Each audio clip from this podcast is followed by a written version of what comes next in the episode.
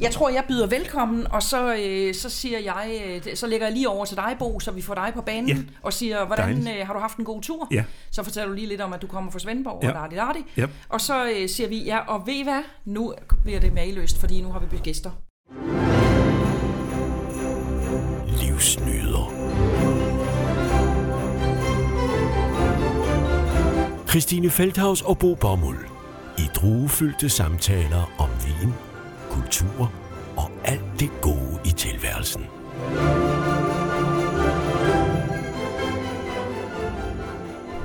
Jamen, øh, så vil jeg gerne have lov at byde velkommen til Livsnyder, en podcast om alt det gode i livet. Ja, i dag der øh, er vi nået hen sådan i starten af december. Vi har lige lukket ned med corona i hele landet igen, og alle julefrokosterne er lagt døde. Så øh, vi blev enige om, at vi måtte fejre det på vores egen lille måde, så vi sidder et lille celebert ensemble her af tre mennesker. Min makker og partner in crime, Bo Bomuld. Hej, hej. Og så sidder vi med en vidunderlig øh, kvinde, som vi glæder os helt vildt til at komme i dialog med lige om lidt. Nana Bachi Hartz. Scenen er, at vi sidder i mit private hjem i min rygesalon. Jeg har fået bygget et 20 kvadratmeter rygesalon, fordi jeg har lært, at man må ikke ryge indendøre. Så nu har jeg bare bygget et hus uden på huset, som er varmet op af en brændeovn. Der Og det, sidder vi det er ude. blevet pissegodt. Det er virkelig blevet godt. Det er ret altså, hvis man forestiller sig sådan en, en, en, en luksus, øh, norsk luksusspilkehytte med en indbygget brændeovn, det er virkelig, virkelig bleet godt. Ja, men det er jeg glad for, Ja. og det er velkommen til dig, Bo. Tak Havde du en det. god tur fra Svendborg? Ja, tak. Jeg sad med de sædvanlige folk, der skulle coronatestes. Så. Ah, okay.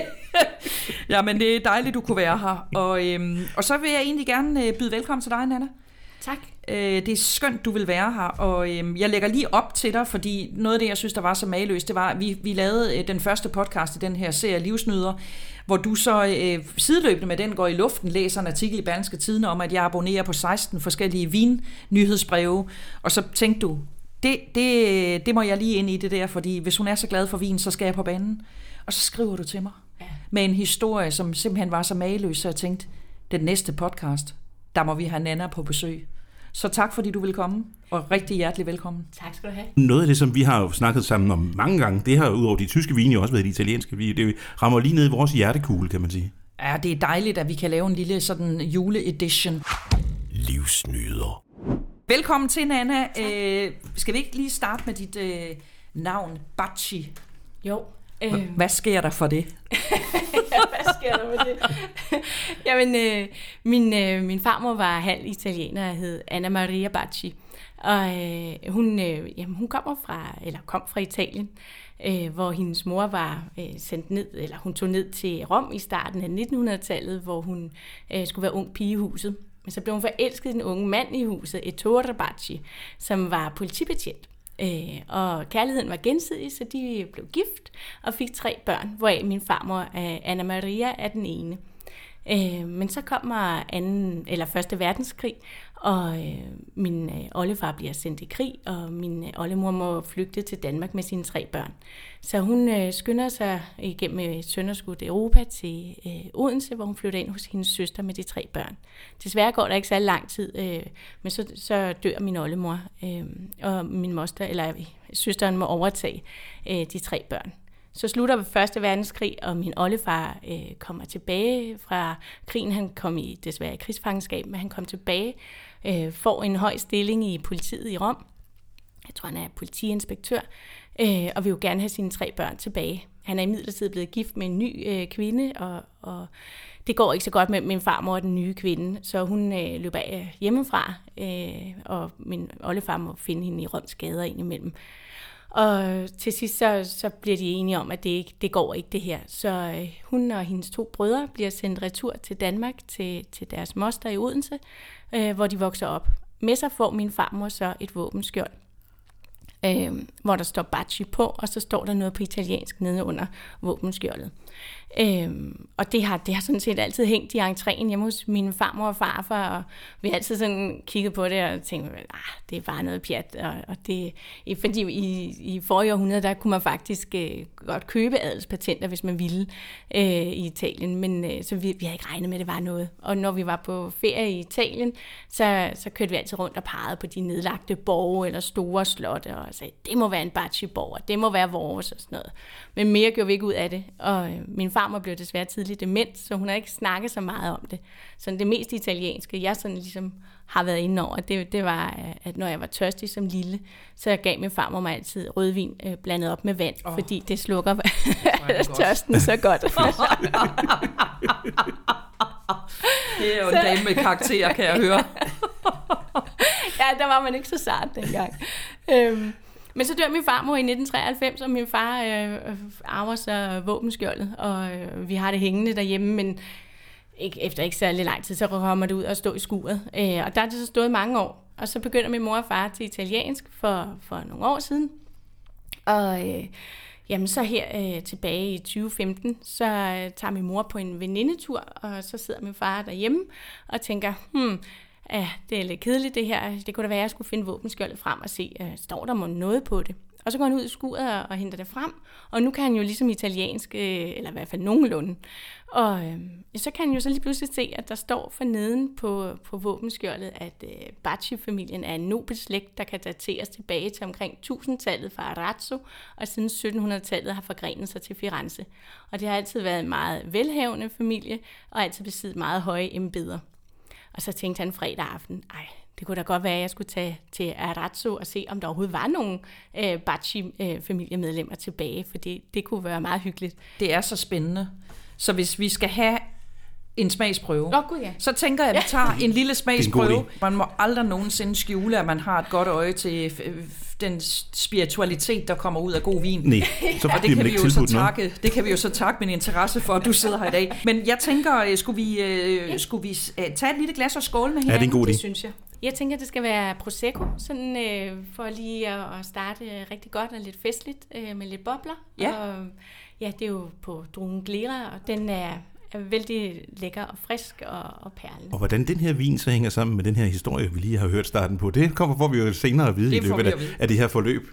Whoopty, hvor lækkert. I mundblæste glas fra glaspusteren i Skive, ja, bare så I ved det, ikke? De smukke.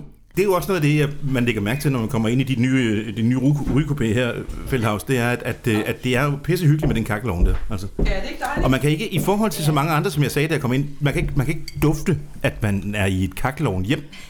Det kan man ellers normalt, du ved, der er sådan lidt, øh, der kan være sådan en krematorie over det på den tidspunkt, hvor man, hvor man så siger, jamen jeg, jeg er nu i et kakkelovn hjemme, men det kan man ikke her. Nej, det er en fin lille brændeovn. Det er verdens mindste faktisk. Jeg tror ikke, de fås mindre, men der er også kun 20 kvadratmeter, så... Det er da skide godt. Der er det, man kalder en listig, varm lød herude. Skål.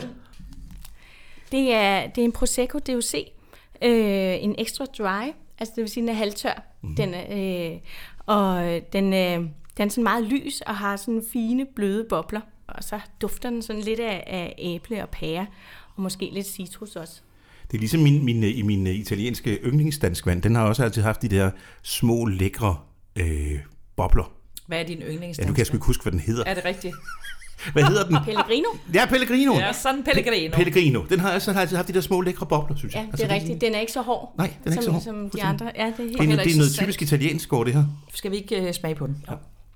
Skål. Skål. Ja, det er jo ikke svært, Bo.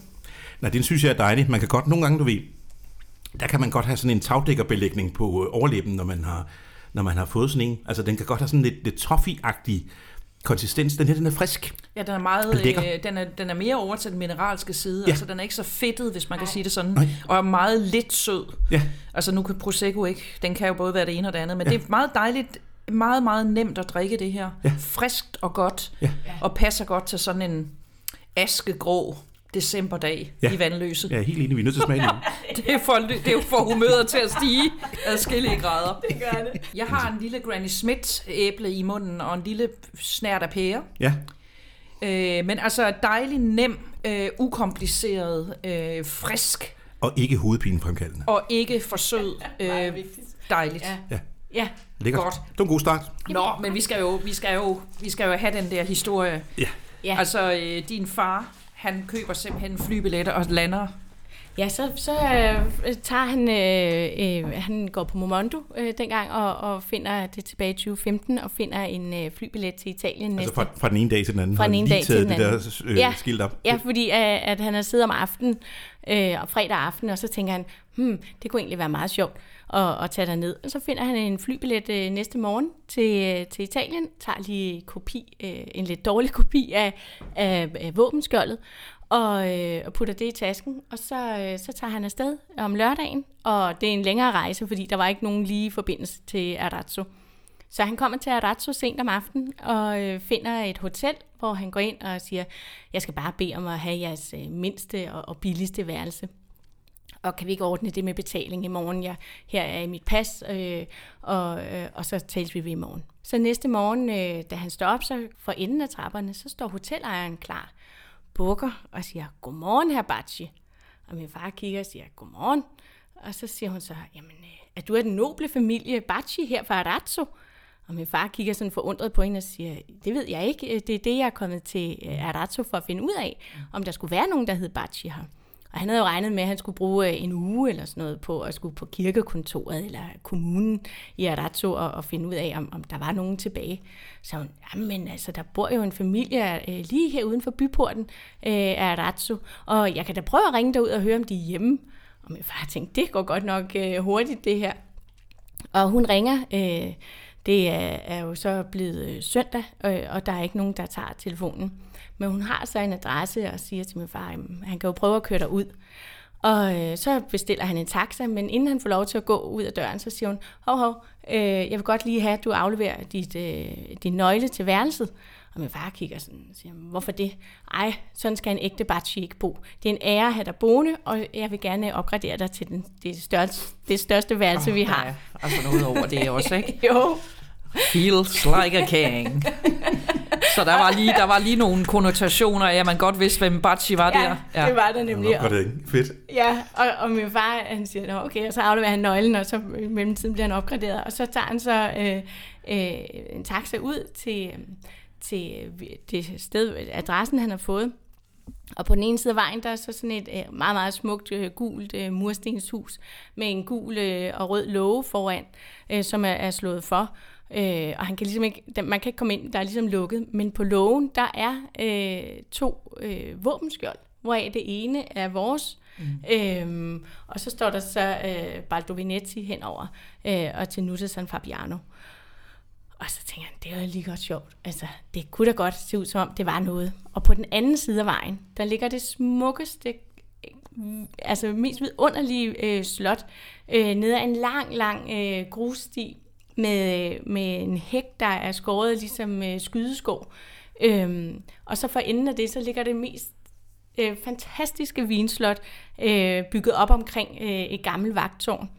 Øh, og, og vores, hvad hedder det, vores våbenskjold er så på, øh, på selve slottet. Øh, og min far tænker, ej, det, det ser ud som om, det måske godt kunne være noget bachi. Men, men han kan som sagt ikke få kontakt, så han tager tilbage igen til hotellet. Øh, næste dag, øh, så tænker han, jeg må hellere lege en dag eller en bil, øh, fordi det kan jo være, at det ikke er det sted, han skal køre rundt andre steder i Arazzo for at, at finde en bachi. Så han går ned til bilforhandleren eller biludlejningsfirmaet, og så siger han, øh, ja, jeg skal bare bede om mindste fjerde, de har, den billigste. Øh, og så siger de, jamen det er fint, og du skal lige aflevere kørekort og pas og sådan noget. Og så kigger ham, øh, der udlejer bilen, så siger han, bachi? Er du en bachi? Og så siger min far sådan, og, som efterhånden begynder at synes, det virker meget godt det her. så han siger, ja, ja det er jeg. Så siger han, nej, men hold nu op, og nej, men så skal du da ikke have den bil der. Vi, vi opgraderer dig øh, uden beregning. Og min far tænkte, gud, nu får jeg en Maserati. Men det gjorde han ikke. han fik bare en lidt større Fiat. Fedt.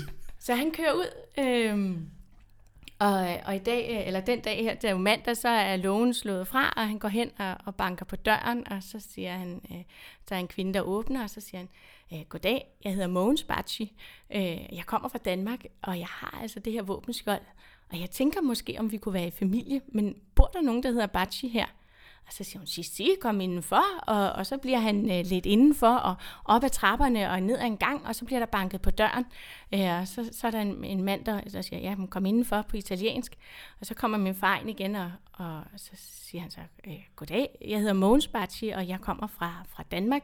Og så tager han øh, kopien af våbenskjoldet op og siger, kunne, kunne vi være i familie? Og så siger han, ja, mamma mia, så sidder den her ældre herre, jeg tror, han må have været 75 eller sådan noget, med, med stort hvidt hår og meget, meget, meget sød mand, øh, rejser sig op og siger, jamen, for søren da på italiensk, for han kan kun italiensk. Øh, jamen, han hedder Greve Bacci, og, og det der var da vores våbenskjold, eller hans våbenskjold, så, så de blev hurtigt enige om, at, de måtte være grænfædre på den ene eller den anden måde. så han fik en ordentlig kram af ham greven, øh, og, og bliver budt indenfor, og, og spurgt, om ikke øh, min far har lyst til at, at se øh, området, og, og det siger min far, det vil han jo vældig gerne. Og så, øh, så bliver han øh, vist rundt øh, øh, på, der er virkelig mange vinmarker, øh, og der ligger nogle forskellige bygninger rundt om på, på ejendommen.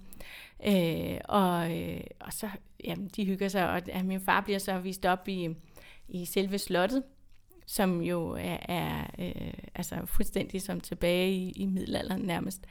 Øh, og så, så bliver han så vist rundt af alle vegne, så er der vores øh, våbenskjold sammen med et andet våbenskjold. Og så viser det sig så, at øh, øh Bacci-familien, som jo er fra Arazzo og meget velhavende, har giftet sig ind i, eller Baldovinetti-familien har giftet sig ind i Bacci-familien på et eller andet tidspunkt, så nu hedder det Baldovinetti de Bacci. Og det hedder greven øh, Gianluigi Baldovinetti de Bacci. Fedt navn. Ja.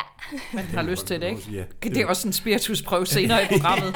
Sig det lige igen. Baldo Vanecci, Bacci, det bummelum, så kan jeg ikke huske mere. Nå. Gianluigi. Ej, prøv lige at sige det igen. Det er Gianluigi Baldovinetti de Bacci. Ja, det er vildt. Det er ja. godt og vildt. Og der er faktisk flere navne til, altså hvis man skal have hele rækkefølgen. Nu tager jeg bare den korte version. Oh, fedt. Det kan noget, ikke? Det er der altså jo. stil over. Ja, men det kan være, vi skal, inden jeg fortæller videre, så, så vil I måske smage øh, et glas hvidvin. Det vil vi meget gerne. Det vil vi meget gerne. Livsnyder. Ej, det bliver også dejligt, det der bo. Det ser rigtig godt ud også, det der. Det er en meget, meget, meget flot gylden hvidvin, vi øh, får i glasset her. Skønt. Tak skal du have. Det skal jo ikke være nogen hemmelighed, Bo, at jeg har en meget, meget stor kærlighed til hvidvin. Ja, det samme her, vil jeg så sige. Og øh, jeg, jeg øh, opererer jo ikke i særlig mange lande, kan jeg sige, Nej. med hvidvin. Ja, det er faktisk... jeg opererer primært i, jeg kan se lige ud, Tyskland, Frankrig, Italien. Jeg tror, vi har interrail-kort til de samme lande. jeg kommer ikke meget ud af det område. Jeg er fuldstændig enig. Det er så dejligt. Ja, men, hvad, øh, hvad er det for men en fætter? den her fætter, øh, den hedder Chiaro San Fabiano. Druerne, det er Chardonnay og Viognier. Øh, ja, ja, som jeg jo elsker. Både den ene og den anden. Nå, ja, altså, øh, hvad, hvad tænker vi? Skal vi ikke lige smage på den? Fordi det er jo lidt ligesom små børn juleaften. Jo, det er det. Og det, og det fede ved det her, det er, øh, der hvor vi jo er, det er, vi er jo, vi er jo tæt på Firenze, kan man sige. Ja. Altså, vi, ja. vi, og så er vi lige lidt til højre, lige til højre og ned. ned. Ja. ja. Så, så der er ikke... Hvor langt er det fra Firenze her, hvis vi sætter os i en taxa? Mm, der, det kan vi, 50 km. 50 km, ja. ja. Og så øh, i, i, i midt-Italien, kan man sige. Det er ja. inde, inde i midten. Ja. Det er fantastisk, altså. Ja, der er gudesmukt. Jeg har solgt, jeg har solgt giraffølge i området lige over. Har du det? ja, det har jeg. Nogle kæmpe store italienske diskoteker ude på Østkysten. Oh, det var skide ja. Det var helt fantastisk. Oh, ja, var. Ja, ja, sådan det er er det. ikke sådan lige det man område, man forbinder med giraffølge i verden. Altså, okay, jeg er åben. Girafdanser det hele, de havde Du det har alt. fået givet det der giraffølge nogle ordentlige Ja, æselspark det fik undervejs. over nakken, du. Skal vi ikke lige smage på det? Jo. Lad os gøre det.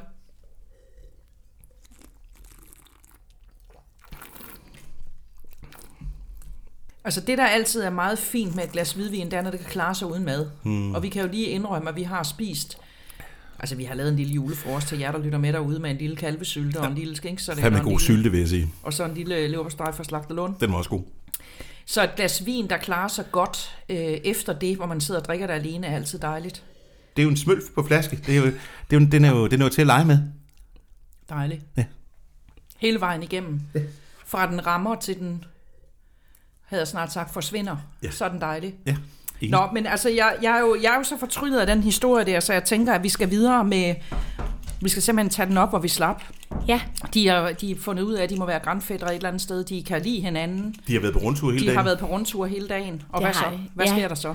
Jamen, øh, så øh, er, er greven jo også øh, selvfølgelig meget stolt af, af sin øh, familiære historie og sådan noget. Han vil gerne vise min far, øh, hvor, øh, hvor adlingen egentlig stammer fra. Så der er selvfølgelig et øh, bibliotek i, i slottet, som jo er ret stort, det her slot, men, men øh, så, så beder han min far komme med ind, så tager øh, greven øh, to, øh, sådan et, et par filthandsker på, sådan et par hvide øh, filthandsker, hvor han så siger, jeg skal vise dig noget.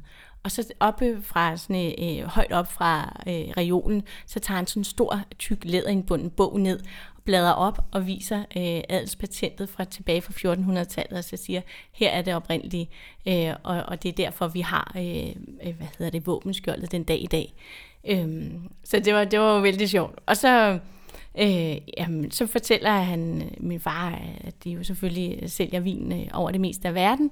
Øh, øh grevens søn Avarado Bacci, øh, han er en af de allerdygtigste faktisk på verdensplan. Øh, han har en Master of Wines, og øh, han bor i Hongkong med sin kone, hvor han øh, sælger øh, vinene fra, fra slottet sammen med olivenolien på øh, auktioner derude. Øh, og, og det er meningen, at Avarado skal overtage vinslottet på sigt. Så olivenolie er også en del af produktionen? Ja, det okay. er det. Øh, jeg har også taget olivenolie med dag, I skal smage. Fedt, øh, ja. Og, øh, Men nu siger du det med familiebogen. Det er faktisk ret interessant, for når man googler familien, ja.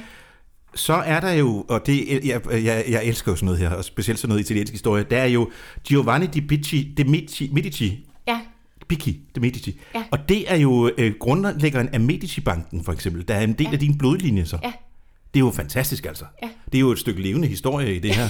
altså, altså, en ting er at have en, en familie med en vinkrev nede i Italien, som laver noget pissegod vin. Noget andet, det er sgu da helt tilbage til Grand Duke uh, Cosimo de Medici. Altså, vi har hele den italienske grundhistorie i, uh, i Firenze-området her.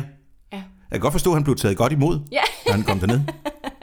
ja. Men alt det her, det, det ved du faktisk ikke en skid om, før du finder ud af, at du har vinfamilie. Nej, overhovedet ikke. Det er, det er, faktisk, det er faktisk ret. Jeg må sige, jeg synes også, det er en mageløst match Altså, man kan jo aldrig vide, om man, man har nogle slægtende, noget histerpisten, det har man jo hørt om før, men, men den der med, at, at man lige pludselig kan trække det der øh, udtræk ud, som I oplever i sådan et skønt område af verden, at det er en vinfamilie. Altså, jeg ser det for mig, jeg går rundt i de der øh, bakkerne dernede mm. nu, og jeg tænker, at øh, ja, ja, vi er da ikke vandløse, vi går der rundt nede i så jeg kan se kapellet for mig, jeg kan mærke farverne, og det er lidt afskallet, og jeg, jeg kan se det hele for mig. Ja. Jeg vil ønske, at hvis man nogensinde blev prikket på skulderen og fik at vide, ved du hvad, du, øh, jeg har fundet et våbenskjold på loftet, så måtte det i min verden rigtig gerne være en greve fra Italien, der har et vinslot.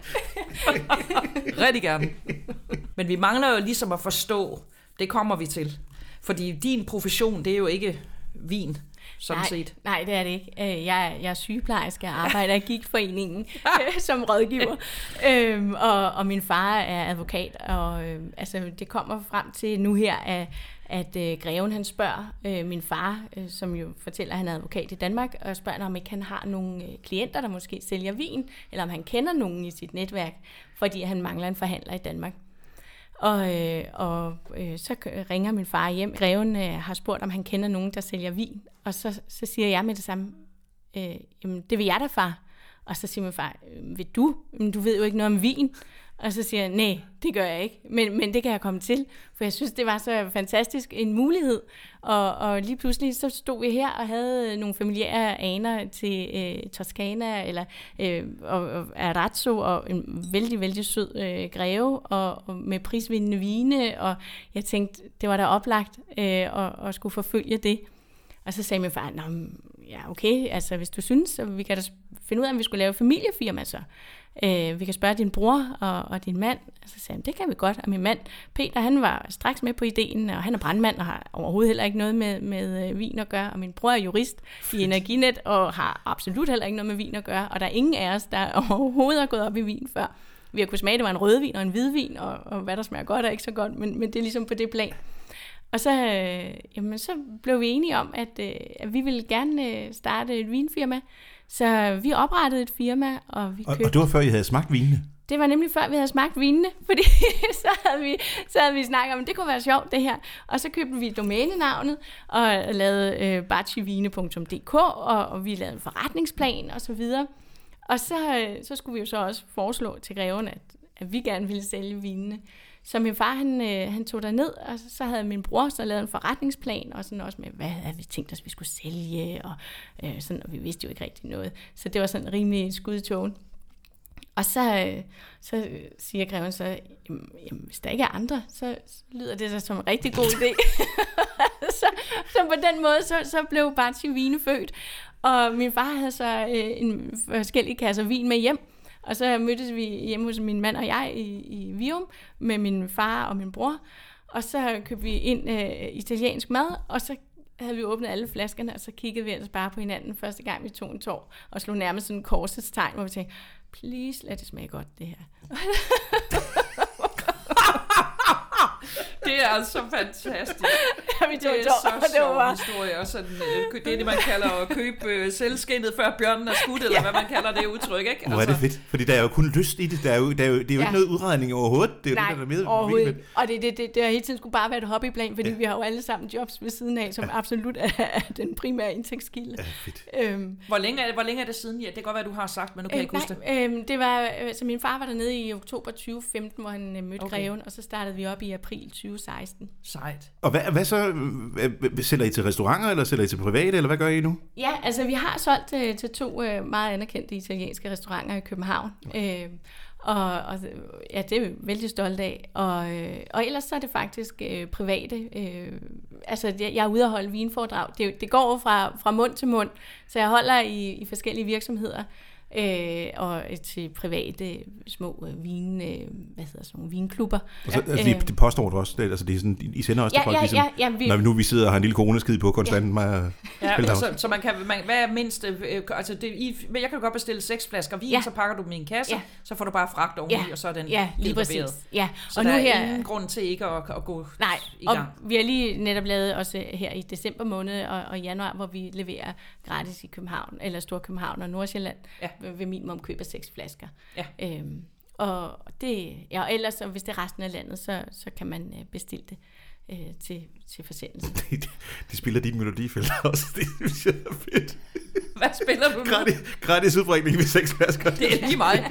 Altså, det skal du ikke underkende, det der. Altså, jeg er jo nem at lokke i bussen der, når jeg får sådan en, der er gratis levering i den her uge, så tænker jeg, "Nå, ved du hvad, du, så tager jeg lige 12 flasker. Og det gør jeg jo hver uge, fordi der er jo hele tiden nogen, der har gratis levering. Og det betyder jo, at mit skue er ved at bune i en grad, som min carbon fiber cykel ikke længere kan stå derude. Den må stå uden dørs, fordi jeg er gladere for vinen. Du skal bruge en tilbygning mere. Ja, det kan være, at jeg skal bygge en kabine til vinen. En Vinkabine. Åh oh, ja, det er toppen. Livsnyder. Men jeg ved ikke, om vi skal have et, et øh, glas øh, Chianti. Jeg siger sgu aldrig nej til. Nej, deres- jeg synes, det- der bevares. Ja. Altså bevares, vil jeg sige. Det vil vi da rigtig gerne. Tak. En Chianti San Fabiano, øh, som er øh, lavet på Sangiovese, Canaiolo og Ciliegolo øh, druer. Det er vores øh, billigste flaske. Øh, øh, den koster 69, og den har øh, blandt andet fået øh, vurderingen Best Buy i 2016.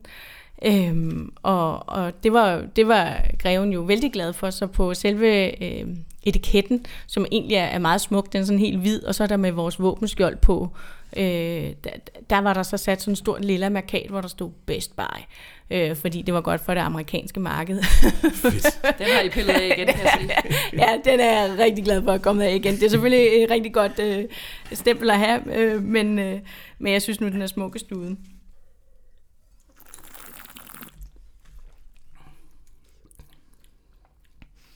Det er sørme et godt glas til 69 kroner, vil jeg gerne sige. Det tænker jeg også, den har en anden dybde, var. Ved du hvad, altså nu har jeg jo godt nok lige fået et lille stykke tobak. Jeg har lidt, øh, jeg siger det lige ud. Jeg har en lille smule kanel. Mm. Er, er det bare mig? Nej, men Er det fordi, jeg har røget? Men det er også, jeg har også bagt en æbletærte, som vi må se, om vi kan få den presset ind. Men jeg synes også, der er lidt kanel her. Men der, er- nu har du så også lige røget, men der er også lidt tobak i den. Altså, der er, den, den har den der... Øh, den har den der, øh, den har den der, den, den, den, du sidder i, den, i, i, i, i lædersofaen også, i, som du jo egentlig gør i meget dyre vin, kan man sige. Mm. Ja. Og dejlig. Og Faktisk, jeg, øh, den er blid og dejlig og ikke... Øh, altså jeg har det jo sådan, jeg er jo en hvidvinspige. Jeg drikker også rødvin, bevar mig vel. Men der er noget meget øh, indsmirrende med den. ja. Øhm, Og så har den en, en, en sjov blanding af noget, der er, der har, der er meget dyre noter. ja, Og så er der et langt spring op til, til friskhed. Det her, det er jo en perfekt frikadellevin. Ja, det vil jeg også sige. Ikke? Eller Ja, hvis du kan man lige have frikadellen i midten der. Du har den ene note og den anden note, så kan frikadellen ligge i midten. Hvis det er en lammefrikadelle, vil det måske også være skide om Ja, det men jeg er enig i det, Ja. og jeg tænker også, at man kunne gå heller ikke være for fin til lige selv at slå dig op til en pizza Nej, og køre en lille frækkert. Med, Ja, altså jeg tænker en lille kartoffelpizza med rosmarin på ryggen, Ja. med frisk mozzarella i bunden, ikke? og så en Uh. lille durumdej, der har fået lidt tæsk i en stenovn. det lyder sgu godt. Det der. Og til jer, der ikke har en stenovn, det har jeg heller ikke. Jeg har en helt almindelig milovn. Men der har jeg været ude og investere i en stenovnsplade, så når man kører pizzaen på den, så bliver den fuldstændig, som den skal være. Nå, så man kan, få til, man kan faktisk få den til Webergrillen også. Det kan man faktisk. Ja. Det var bare lige et tip til folk, der har lyst til en julepizza. Fedt. Med, Uh, jeg lavede en anden pizza i et år. Har jeg, har, har, altså, jeg, jeg lagde den på nettet. Har du set den? nej, den har, Okay. jeg ikke, den har ikke noget Jeg at havde jo jeg havde dehydreret asier, og så havde jeg dehydreret øh, rødkål. Og så havde jeg lavet, i stedet for en, øh, en øh, hvad hedder det, tomatpesto, så havde jeg lavet en brun sovspesto. Øh, som jeg så, så i en, i en vestykelse selvfølgelig, som jeg så kunne smøre på. Og så øh, konfiteret and, og så ellers hele lortet på. Brune kartofler, i en vis mængde selvfølgelig, og hvide kartofler dehydreret. Altså, jeg vil sige, jeg lavede to. De blev revet væk i løbet af ingen tid til den der julefrokost der. Så det kan betale sig. En anden pizza. Det er, det er helt nyt for mig. Det, der lige, det man lige skal gøre, det er, at man skal tage pizzabunden, så skal man smøre andefedt ud over dem først, og lige forstege dem, Ja. inden man giver det øh, den brune sovs og alt fyldet bagefter. Fordi så får den lige den der ekstra lille konfiterede bund over sig. Ja, og det vil så, det her passe øh, det vil til, også være faktisk. godt, fordi ellers så suger den jo alt det der, ikke? Ja, ja. Så bliver det en svobilobi, ikke? Det skal ikke suge min Og- sovs. og Det skal den nemlig ikke. Den skal ligge der. Ej, hvor lyder det godt. Ja. En anden pizza, ja, det fik vi lige knæbet ind i programmet.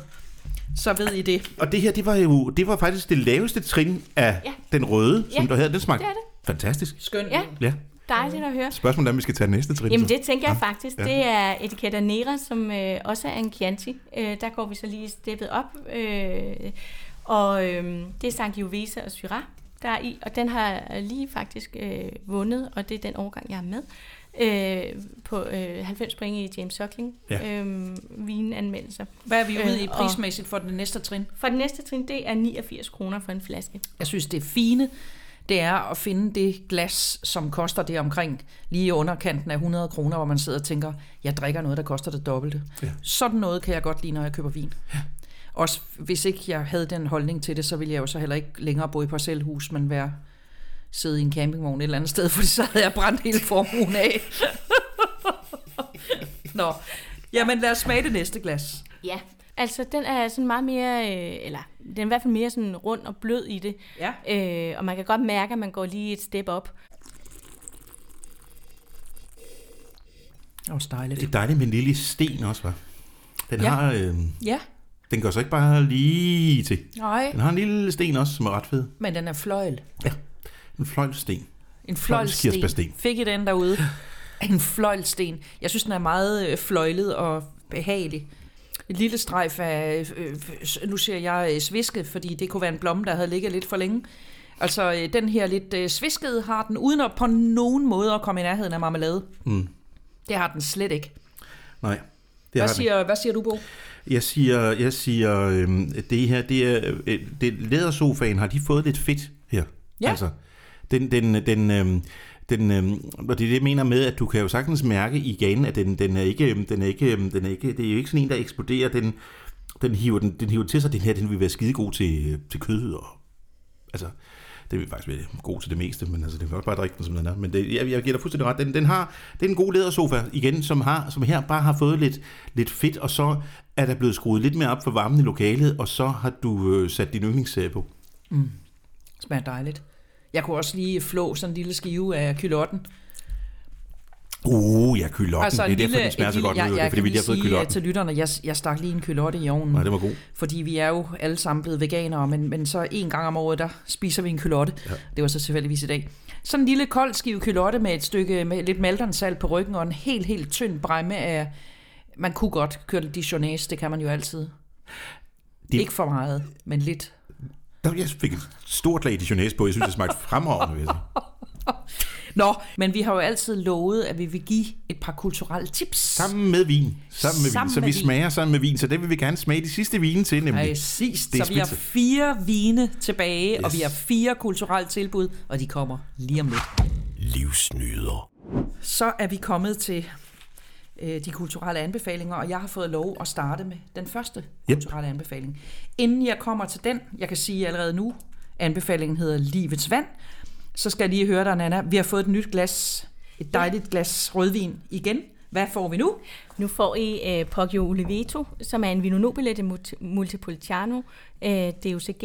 Øhm, og øh, det er øh, øh, druerne Pugnolo Gentile og Canaiolo. Skal vi smage på den, inden jeg fyrer min kulturelle anbefaling af? Fordi man kan jo næsten ikke styre sig. det, det synes jeg er en god idé. Vi smager Jeg på vil meget gerne smage på den.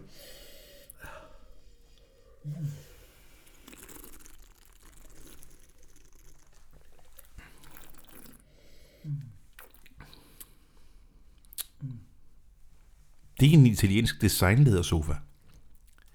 Ja, det er rigtigt. Der kommer lidt mere læder. Ja, men, men også læderet får en lidt anden karakter. Det, er- det er ikke helt så dybt som det andet læder. Det er meget, meget pikant læder, det her. Meget lækker læder. Og også lidt mere... Øh, øh, der er også lidt... Øh, nu siger jeg, hvad jeg tænker. Jeg er jo heller ikke øh, vinskribent. Men der er lidt flere bitterstoffer i det her, så den har lidt mere... Den, har, øh, den er super blid, vidunderligt dejlig, nem at drikke. Men jeg oplever en lille smule mere sådan... Skulle vi sige bitterstoffer? Jamen, tror du ikke, det er begyndelsen på en lille hest? En altså, hest? Ja, jeg tror, hvis den det? fik lov, måske lige, hvornår er den fra? Den er fra... 2016. Det, det er bare, jeg, jeg har bare formodningen af, at det her det er en lille bitte italiensk hest, der begynder at udvikle sig, men det kan også godt være, at det ikke er, du ved. Det er ikke helt dumt sagt. Nej, tak. Vi kommer det ikke nærmere lige nu, fordi vi skal i gang med den første kulturelle anbefaling. Spændende. Øh, Jeg kan måske sige, at den koster 119 kroner. Det er en Nå. god idé. Ja. 119 kroner kan I mærke, vi bevæger os opad. Ja, Og øh, det er jo meget det gør interessant. vi på alle måder. På alle måder bevæger os opad. Det må I selv leve med derude, når I ikke kan holde det ud med, så slukker I.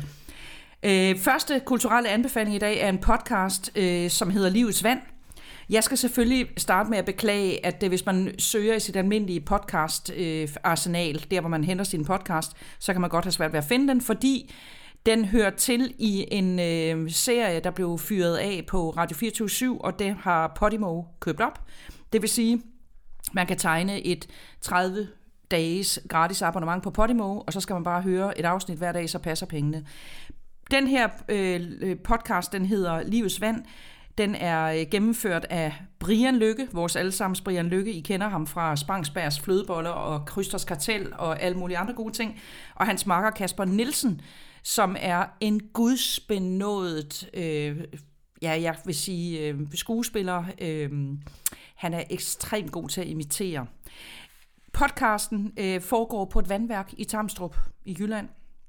Og man kan tænke allerede nu, det skal jeg ikke høre, det skal I. Det er noget af det sjoveste, jeg har hørt i nyere tid. Øh, Vi kommer ind i øh, Tamstrup Vandværk. Der sidder en bestyrelse, som jeg godt kan sige allerede nu, er temmelig udulige. Vi har et øh, arsenal af mennesker her. Vi har formanden Christian, som arbejder med udvikling af virksomheder i sin primære erhverv, og så er han blevet formand for vandværket, og han er rigtig, rigtig glad for frække ord, og det jeg kalder varm luft i Kanal Grande, buzzwords og bullshit. Han er flankeret af bestyrelsesmedlemmet Nils, som er kasserer, som altså udover ikke kan finde nogen regnskaber for de seneste 10 år, heller ikke rigtig kan komme ind på sin computer, fordi den er blevet hacket.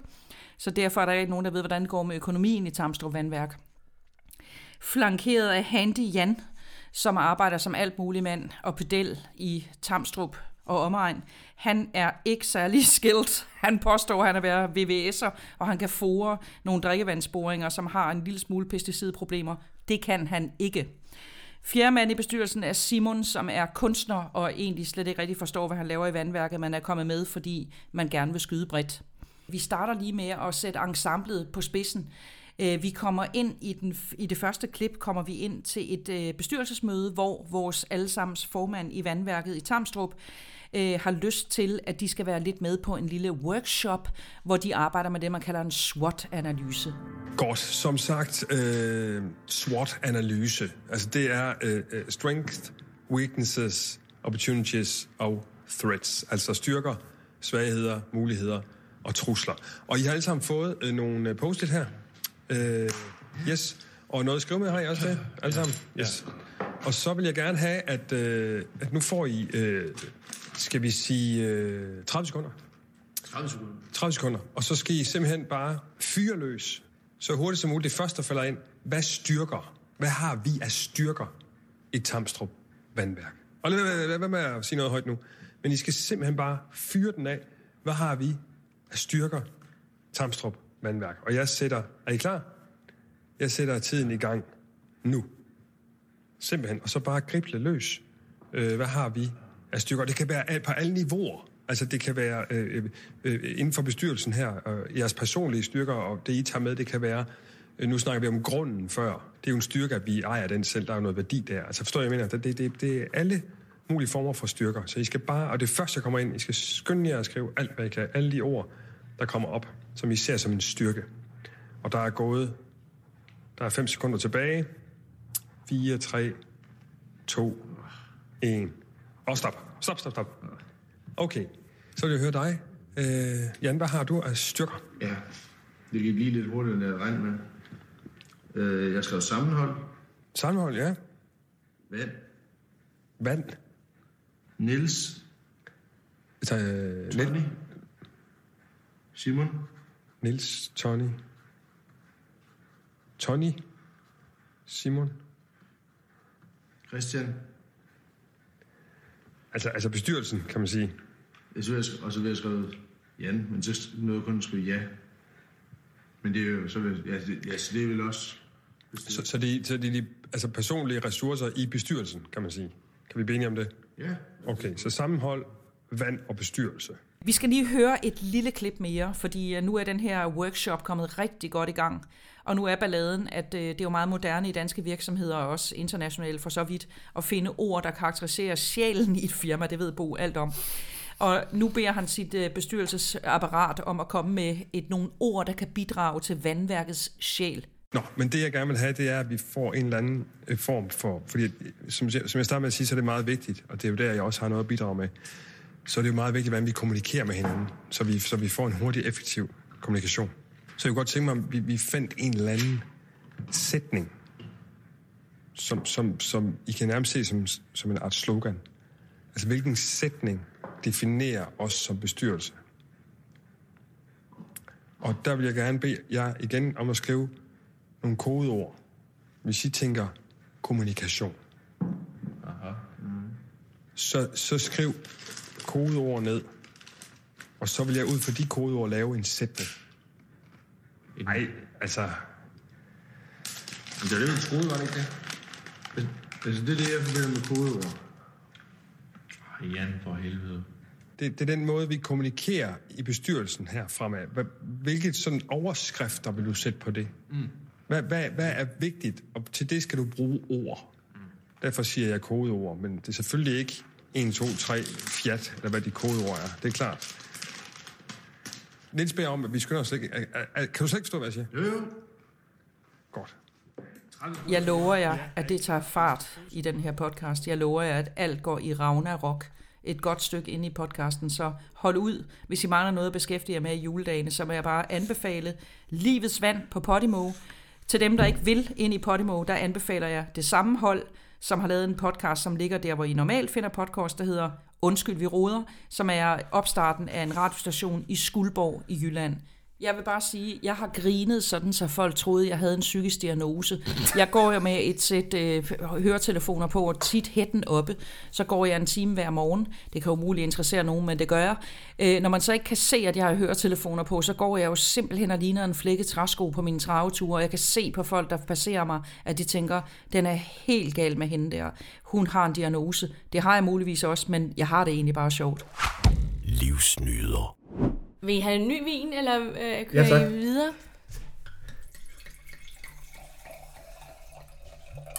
Tak for det. Vi er nået til den næste kulturelle anbefaling i vores lille podcast, Ja. Livsnyder. Ja. Og det er Bo's tur. Og vi skal have en vin til. Hvad, hvad er det for en vin, vi skal, vi skal smage nu? Det vi skal have nu, det er Piukaya. Bo, inden vi kommer til din øh, kulturelle, f- jeg havde snart sagt, øh, vaniljekrans. Det er jo snart jul, så smager vi lige på den her. Lad os smage på den. Åh, oh, der er også godt med næse i næsen. Mm, dejligt. Der er muskler i under motorblokken her, kan jeg mærke. Vi ligger jo på en eller anden solgrænse her, hvor, hvor jeg faktisk øh, i, i, i mit hjem vil kunne se det her som en crossover-vin.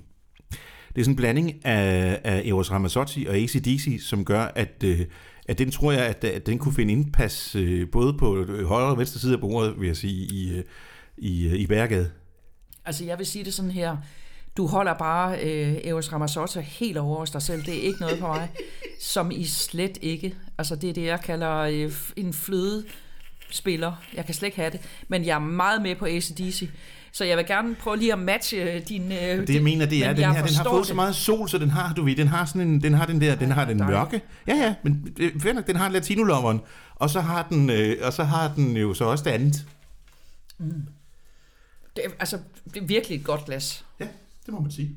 Men det fører os ind til noget helt andet. Det fører os jo frem til... Eller det er faktisk det samme, fordi det, det er også det der med, kan man både blæse og have mel i munden? Ja, det kan man faktisk godt, fordi jeg tænker, noget af det, som vi jo sidder længe om øh, lige for øjeblikket, det er det der med at komme ud. Vi har faktisk, øh, vi to, vi har også talt om det lige siden vi mødtes i dag, Feldhaus, at, at, øh, at vi vil fandme snart gerne ud og opleve lidt forskellige ting. Vi har snakket om det i forbindelse med vinen også. Vi kunne godt tænke os at komme ud, og vi hopper ned i glasset, og vi kommer ud, så det er jo det, der er det fantastiske ved det. Men der er jo andre folk i verden, der har opfattet, at der nok sidder nogen derude, der har lyst til at komme lidt ud, så derfor så får man sådan nogle tilbud for øjeblikket.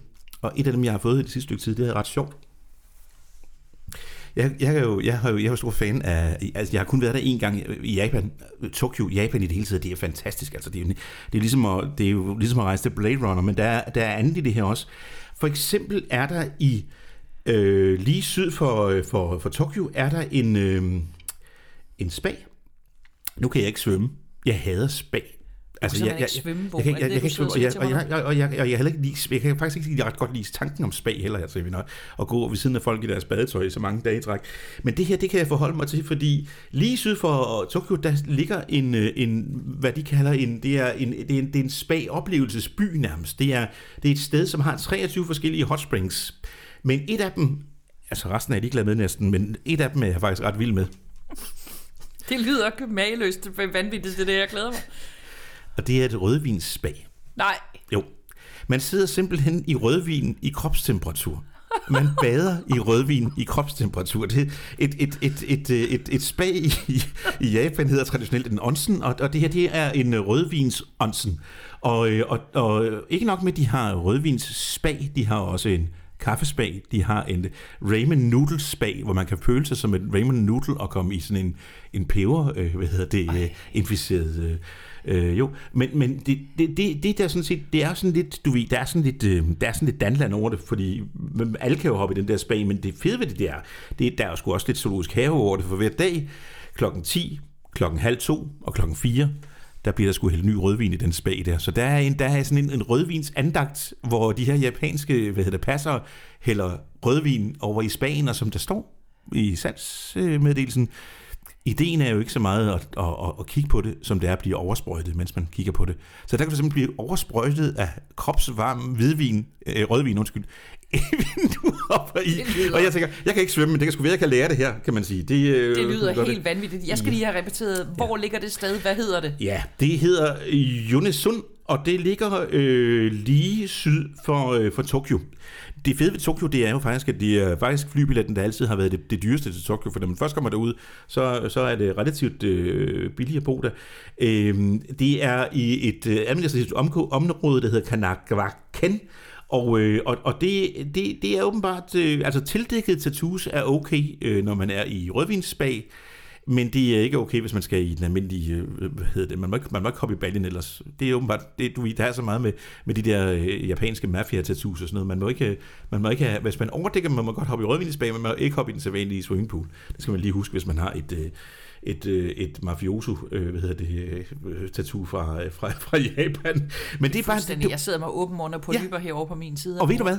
Jeg ringer, har ringet til dem i en uge nu, for at få dem igennem live i dag.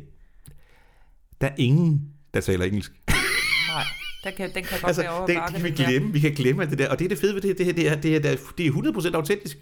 Fantastisk. Ja, det er mega fedt. Altså, Japan er jo et fuldstændig vanvittigt land. Jeg tror, vi sætter show notes, øh, der sætter vi øh, linket ind til... jeg tror, vi er øh, nødt til at sige, at vi sætter det på i show notes. Yes. Hvis der er nogen, der skulle sidde derude og tænke, kunne man ikke forestille sig Christine i kimono, altså japansk kimono, ikke slåbrok, så kan jeg sige, det kan man godt. Jeg har været der. Jeg har været i Kyoto og danset rundt i parken i Kyoto i iført en øh, vintage, fuldstændig mageløs dragt. Det må I gå ind og finde på øh, DR.dk. Programmet hedder So Fucking Special. Det kan jeg faktisk godt huske, Jeg var en uge i Japan, ja. og øhm, jeg har en stor forkærlighed for det. Det der lyder som noget, jeg, jeg, er slet, ikke- jeg er slet ikke til sådan noget LaLandia overhovedet, men den der synes jeg lyder meget interessant. Der er heller ingen maskotter. Skål. Nu har vi fået seks glas, så hvis vi begynder at læfle og læspe lidt, så er det derfor. Det gør vi ikke, for vi har en diæsser, som Diæsser. vi mixer showet på. Skål, Nana. Nana er jo hos sig endnu. Ja, hun er ædru. Ja. Hun sidder er og herude hygger endnu. Vældig godt herovre. jeg kan måske lige putte ind der. Jeg tror, jeg glemte at sige, at det er Sangiovese Malo, der er i Pivkaya.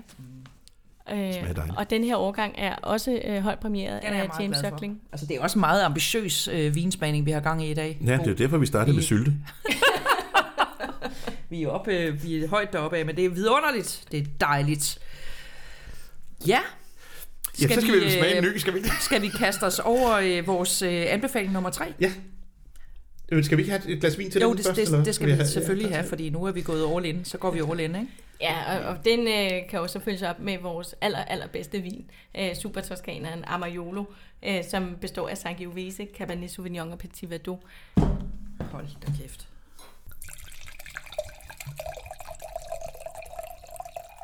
Der har vi øh, hele vores våbenskjold, øh, løven, med de tre øh, stjerner, der går ned over. Øh, og flasken er også lidt højere end de andre, for ligesom at markere, at den her er noget ganske særligt. Og, og hvad er det, der er særligt ved den? Jamen, øh, det er, at det er, det er, altså, de har valgt at lave det som en super toskaner. Øh, så øh, ja, Det lyder som en, der er skideflink, man møder på ferie. en super toskaner. så- ja, det kunne det selvfølgelig godt være. Øhm, men øh, men det, det, det er det jo ikke. Eller, den er super flink. Øh, eller der er også meget, meget bid i den. Altså der er det her, der, som I også kan se, så den er meget mere, den er meget mere mørk end øh, de andre. og Der er mere fylde i. Øh, og øh, altså den... Øh, den, det er den her flaske, når, når den bliver tappet, så bliver den lagt øh, i flaskerne øh, under slottet faktisk. Øh, der er en kælder, øh, og det er kun Amariolo, der får lov til at ligge under selve slottet. Og når de så bliver bestilt, øh, så kommer de frem, og først der, så kommer der etikette på, og de etiketterne bliver sat på i hånden øh, på slottet. Og det er så tre andre druer der er i, eller? Ja, det er de her øh, Sangiovese, Cabernet Sauvignon og Petit Verdot, der er i. Der er også mange vilde ting omkring druer, ikke? Jeg kan lige øh, smide ind her, at der findes et vinspil. Og det selv lægger vi også op i show notes, som det hedder. Øh, jeg har et vinspil, et brætspil, hvor man kører rundt. Øh, det er et mageløst dejligt spil til en lille lystig aften. Det foregår på den måde, man trækker fem kort. Det er fem retter. Det kan være en forret, en hovedret, en dessert, en mellemret, hvad det nu end måtte være. Og så skal man simpelthen køre rundt på brættet og samle vine, der passer til den mad, man har trukket på kortene. Og man slår lidt som i Ludo, man kører rundt med sin lille brik. Og det er ret vigtigt, at man kobler den rigtige drue med den rigtige ret, fordi ellers så giver det ikke særlig mange point i bogen. Det er fandme en god idé. Og det er så hyggeligt at spille. Uanset om man spiller med nogen, der slet ikke drikker vin, ud over det, vi kalder back in a box, eller den med tyren, eller Permadar, som vi drak i 70'erne i Sønderjylland. Det er fuldstændig ligegyldigt. Bare giv den gas, følg din intuition, kør rundt på brættet, og så er det så sjovt. Både at spille, det er lidt ligesom golf. Man kan jo rent faktisk godt spille golf med amatører. Det bliver lidt sjovere, når man spiller med nogen, der er i nogenlunde samme gruppe. Men det er ikke vigtigt for spillet. Det vigtige det er, at man bliver klogere på druerne, man læser op på druerne, man sætter det til den mad, man skal beslutte sig for, hvad for en drue passer her. Lad os lige smage på den. Både Bare den navnene. næse. Altså, jeg bliver, jeg bliver også så glad, når jeg bare ser navnene, ikke? Jo. Amariolo, Ja. 2007, og så navnene der, som er så fine, ikke? Ja. Baldo Venati. Altså, man kan næsten trække det. Jeg kan ikke italiensk, men jeg kan da sige det, så jeg nogenlunde lyder, som om jeg har været i Italien en enkelt gang ved Gardasøen. Mm. Oh, ja, bare duften. Se, nu. Kan du, kan du høre? Nu, nu kommer hesten, eller kan du smage? Nu kommer hesten. Jeg, jeg Nu er der en lille hest. Det er, øh, det vi- sjovt ikke, fordi det sidste vi smagte, den var på vej til hesten, og nu har vi hesten her. Det er fantastisk. Den er fandme god. Ja, og det, det er mm. så vores dyreste. Den koster 249 for en flaske. Mm. Øh, og, og det her, den, øh, den ligger i 18 måneder i franske egetræ øh, øh, Fade. fade, ja. Øh, og, øh, og derefter så ligger det minimum 12 måneder på flaske, før de øh, bliver solgt. Kan du mærke, øh, der kommer en lille fedmetrold ind i din mund? Ja. Altså, øhm, der er lige sådan, der, der kommer lige sådan en lille, der kommer en lille frækker, en lille djævel og maler dig lidt ind i munden med sådan en øh, lidt, noget mere fedme, end det vi har haft i de andre, vil jeg Ja. sige. Ikke? Jo. For mig er der en lille hest, det kan jeg godt mærke. Ja, tak. Jeg kan også mærke, at det er lædersofa, men jeg har en oplevelse af indsmiret. Den smiger sig ind på mig. Den er, øhm, den er kælen. Den er blød. Den er saftig. Altså, det, det er faktisk et meget saftigt glas. Du plejer at sige, at du får, du får drivtømmer på indersiden af kindtænderne, gør du ikke det? Drivtømmer og drivtømmer. Jeg vil sige et stykke godt veltilhugget Douglas, som har været kørt ind i lidt olie. Det er meget, meget skønt. Nå, men øh, jeg tænker, at vi alle sammen fælles lige nu er blevet lukket ned for 8. gang på 9 måneder eller 11 måneder, hvor lang tid der er gået. Og vi savner sol, vi savner lyst, vi savner øh, lys, vi savner vand. Og øh, til det brug har jeg fundet en dokumentar på Netflix, som hedder Hvad jeg lærte af en blæksprutte. Og det er en dokumentar, som øh, er blevet lagt op på Netflix i oktober måned 2020. Og vi er under vandet i sige og skriver halvanden time. Vi møder en øh, mand, som faktisk øh, er Emmy-nomineret. Han hedder Craig Foster, og han er øh, meget interesseret i biologi og natur. Har nogle øh, øh, issues med sit sind. Han er gået en lille smule i stykker. Han er blevet lidt deprimeret. Han kan ikke rigtig finde ud af, hvordan det skal gå med hans arbejdsliv. Så han vælger at vende snuden tilbage til øh, Sydafrika der øh, bor han i et øh, meget, meget stort hus ud til noget vand, og beslutter sig for, at den eneste måde, han kan hele sig selv på, det er ved at gå i vandet hver dag. Og det, I skal forestille jer, det er, at I tror, at vandet er varmt. Det er det ikke. Vandet er koldt. Han beslutter sig for, at han vil gå i vandet hver dag med snorkel. Han vil ikke have våddragt på. Han vil vende sig til kulden i vandet. Vi er jo i et ret rough vand. Det er jo ikke sådan noget hygge-hygge, vi er på Mallorca. Så det er meget voldsomme bølger. Det er et voldsomt hav. Øh, Men han beslutter sig simpelthen for at sige, jeg vil prøve at gætte, få min krop til at vende sig til vandet her. Så han går i hver dag på det nogenlunde det samme tidspunkt med sin snorkel i badebuks. Og så kommer han ned, og så finder han ud af, at han bliver mere og mere, han vender mere og mere tilbage til sit eget sind, sin egen ro i psyken. Og han kommer ned på bunden, og på et tidspunkt, da han er dernede, det, I skal forestille jer, at der er en skov på havbunden her, sådan nogle øh, tangplanter. Øh, det ligner faktisk en skov under vandet. Det er ret voldsomt, øh, det der foregår dernede. Og der møder han på et tidspunkt en blæksprutte. Og man kan sige, ja, herregud, det er der ikke noget, vi skal se. Jo, det skal I. Fordi det, der er så mageløst for den her udsendelse, det er, at den blæksprutte bliver han faktisk ven med.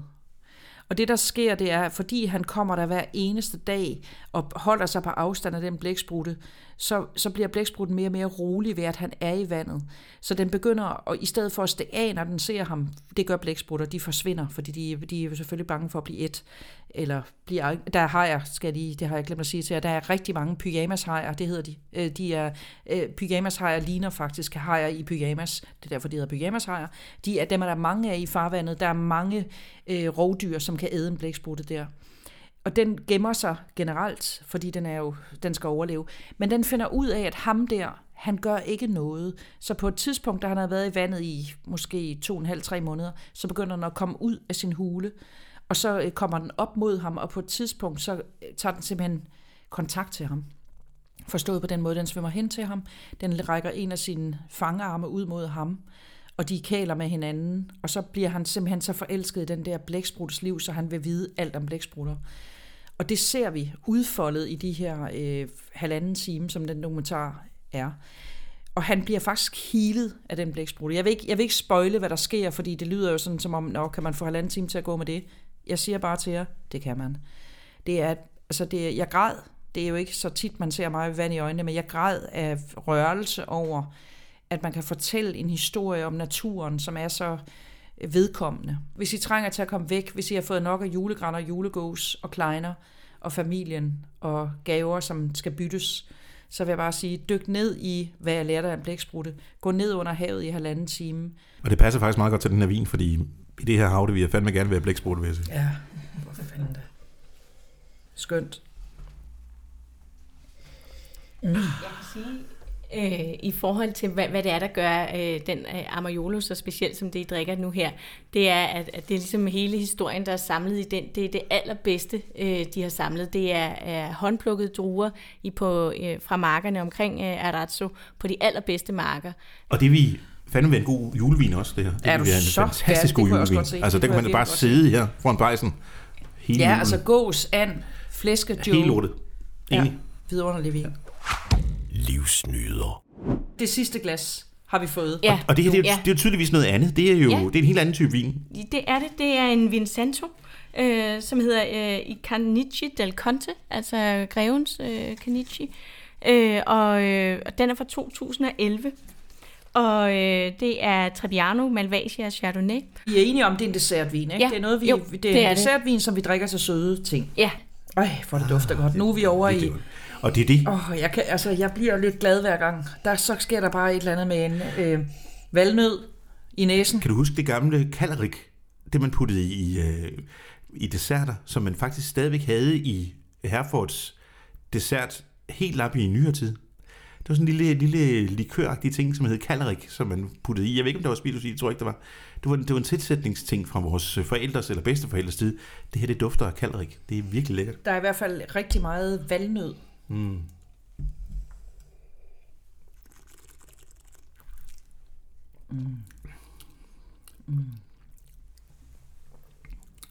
Øj, hvor er det godt. Det her, det, det her, det er, det er, det er, det er fordrukne rosiner i iscreme. Det er det, der, det, er det, der Ja, det ligger ved det. Det er, Det er også meget frugtigt. Det kan jeg også godt lide. Altså, der, der er det der... Der, hvor man kan sige, sherry er jo vidunderligt lækkert, og portvin elsker jeg også overalt på jorden. Det, der er med det her, det er en lidt lettere, mere frugtig udgave af det. Vi har egentlig nogle af koncentrationerne, synes jeg, som noget, der er fadlagret, der er noget e, der er noget valnød, der er noget alt muligt. Men det er en lidt mere en frisker. Det synes jeg er meget, meget dejligt. Og så er det, man spørger sig selv, Bo, Bommel, Hamilton, Wittendorf. Hvad havde du forestillet dig kunne Jamen, være det de er sidste faktisk helt kulturelle? perfekt. Jamen, det, det er fordi, der, der er jo, det er jo fornøjelsen, og så er der alvoren. Og hvad hedder det? Netflix har en ny serie, som er pisse interessant. Det er ikke en serie, det er bare faktisk en dokumentar. Helt vildt. Den hedder Rovitter, en perfekt forbrydelse. Vi er begge to meget tyskofile. Øhm, øh, men Tyskland har en, øhm, en, øh, en, en, en, en forbrydelse, som jeg tror hverken du eller jeg egentlig har lagt ret meget mærke til, fordi vi havde så pissehammerende travlt i 1991, som vi havde. Det er det tyske palmemor, og, og det, det er der nu lavet en, øh, en dokumentar omkring. Øh, Rovetter var efternavnet på den mand, som ligesom i 91 blev sat til at lave det østtyske øh, erhvervsliv, som jo var noget mærkeligt noget, om til øh, det vestlige erhvervsliv. Og det var der selvfølgelig en masse mennesker, der blev sure over sige, hvad fanden skal han komme og rode det for? Hvorfor skal han begynde at grave i vores øh, øh, værfter, og hvad fanden vi er? Og, og derfor blev han faktisk han blev slået ihjel i 1991. Han blev skudt ind igennem vinduet i hans lejlighed i Hamburg, iført sin øh, øh, hvad hedder det, beige og, og, og hvad hedder det, lilla pyjamas. Og, og det er der til dato ikke nogen, der har fundet ud af, hvorfor. I den her true crime-bølge, der kan man jo vælge at angribe de her vinkler på mange forskellige måder.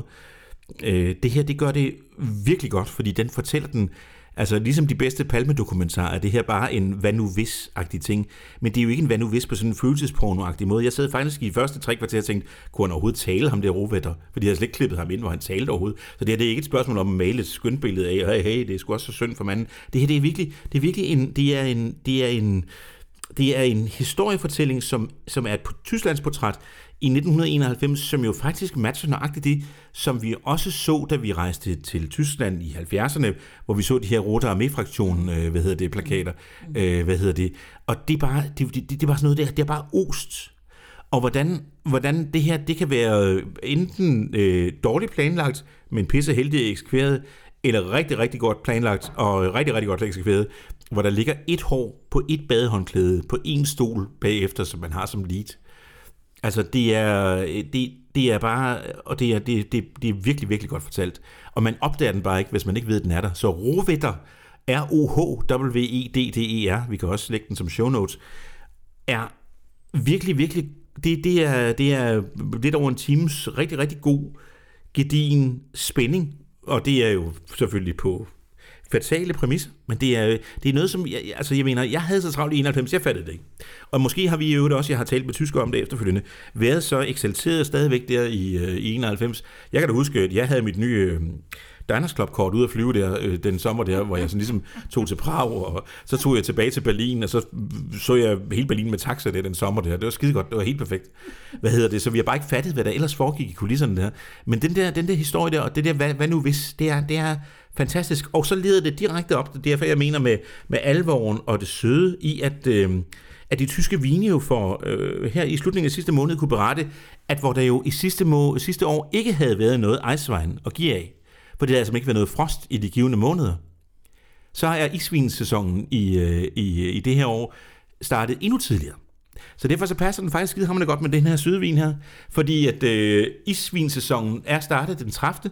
Der har man via fuldmåne kunne høste de første Eiswein-druer, så det bliver et fantastisk Eiswein-år i år. Så det er jo den gode nyhed omkring øh, 2020, kan man sige, når vi Det snakker var, dessertvin. det var en meget, meget flot krølle. Tak. Tak, Nana. Ja, det, var har været så fornøjelse. hyggeligt. Tusind tak, tak for det. din fantastiske historie. Tak for fine vine. Tak til dig, Bo, Ja, fordi tak du kom Og hele godt vejen fra nytår, Svendborg. og god jul. Ja, god Glædelig jul. Godt nytår. Og glædelig jul derude. Livsnyder.